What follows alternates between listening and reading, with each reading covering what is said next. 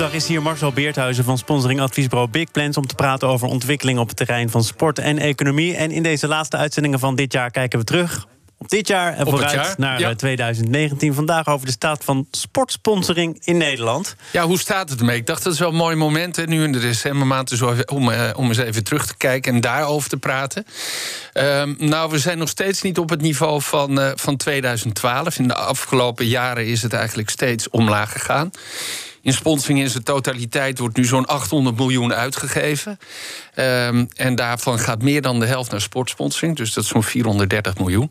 En daar zie je wel een interessante ontwikkeling. Dat eigenlijk, zoals in de hele wereld bijna zou je kunnen zeggen... de rijken steeds rijker worden en de armen steeds armer. Er is een enorme polarisatie aan het optreden. Waar gaat het goed? Ja, weet je, vanavond Ajax, maar Ajax gaat het heel goed. Hè? Ajax haalt 29 miljoen uit sponsoring ieder jaar. Dat is ongelooflijk veel geld. Die halen met hun e-divisie, e-sportsdivisie, meer geld uit sponsoring dan de meeste eredivisieclubs. Dus, hè? maar als je denkt wat ze dan weer verdienen met die Champions League, ja. dan valt dan die 29 miljoen weer in het niet. Nee, absoluut. Maar het is natuurlijk belangrijk voor de continuïteit van het bedrijf. En Champions League, daar kan je niet op begroten. Maar eh, weet je, zoveel geld en een, een andere andere eredivisieclub... die verkoopt zijn shirt bij wijze van spreken voor 50.000 euro. Dus dat is wat er aan de hand is. Bij de KNVB gaat het goed. Ook onder invloed van de goede resultaten. Maar die zijn toch in staat om, uh, om heel veel grote merken aan zich te binden. Nou, en dan zie je dat bij individuele bonden, zoals de, uh, de volleybalbond... die wel een heel gedegen beleid hebben... dat je die ook stapjes ziet maken. Maar dat is geen rijke die rijker wordt, denk ik. Nee, maar dat is wel een partij die op een infin manier bezig is, innovatieve manier, om nieuwe concepten te ontwikkelen, veel evenementen te organiseren. Maar gaat het minder? Ja, nou, we kijken nu met z'n allen naar handbal. Uh, gisteren en vanavond misschien. Maar ja, dat is maar op hetzelfde... het op de resultaten ook net wat minder gisteren? Ja, op hetzelfde tijdstip. En daar zie je dan dat die een leeg shirt hebben. En uh, een leeg shirt, dat shirt staat vol met allemaal kleine namen van kleine bedrijven. En die kunnen dan geen eens een hoofdsponsor vinden. Hè? De dames van het handbal, die het ongelooflijk goed doen. Er is op het allerlaatste uh, moment de Nederlandse loterij ingestapt. Voor enkele tienduizenden euro's. En je ziet eigenlijk dat bij heel veel Olympische bonden. dat het daar helemaal niet goed gaat. Dat ze niet in staat zijn om partijen aan zich te binden. Dan is er een uh, overkoepelende sportkoepel, NRC-NSF, met een eigen sponsorprogramma. Ja. Dat zou dan uitkomst kunnen bieden.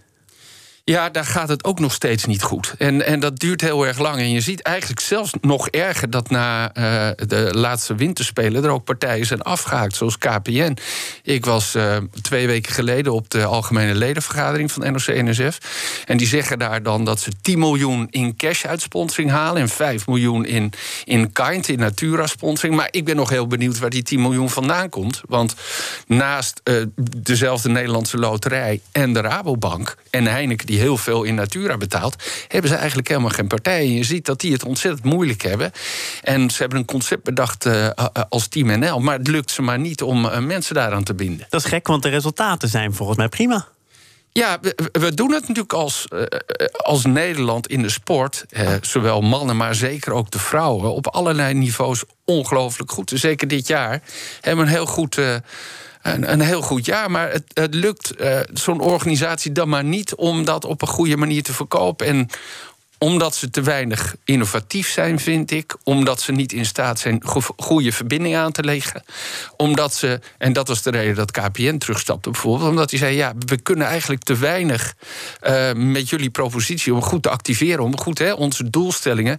zowel uh, op commercieel niveau als op merkniveau uh, te realiseren. Maar wat dus... jij een goede verbinding? Want dat kan je ook nog als vaag betitelen. Wanneer is een verbinding wel goed? Nou, als het heel passend is, als het relevant is... en als je in staat bent om de doelstellingen die je als bedrijf hebt... om die, eh, om die vooruit te brengen. En dat kan soms zijn omdat je zegt KPN... kijk, wij zijn hier om contact tussen mensen te onderhouden. En zo'n zo'n sponsor die gelooft dan veel meer in wat ze in de schaatsport kunnen doen... die dicht, veel dichterbij op mensen zit en ook continu... Hè, nou, niet het hele jaar, maar in ieder geval in de wintermaanden actief is... Um, dan, dan zo'n ja, wat ongrijpbaardere propositie als die van NOC-NSF. Iets creatiever mag wel iets creatiever mag. En je moet natuurlijk je cijfers heel goed gebruiken. Je moet weten welke mensen je kunt bereiken. Je moet eh, weten welke mensen in je database zitten. Uh, en samenwerking zal wel heel belangrijk zijn. Ook voor die kleine partijen, die Olympische bonden. Ga gewoon bij elkaar zitten en maak samen één grote, grote propositie. Dan heb je veel meer kans om eh, geld uit de markt te halen. Volgend, volgende week doen we misschien wel de laatste van het jaar. Ja.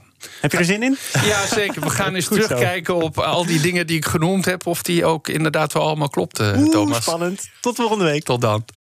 Meer zien? Ga naar bnr.nl.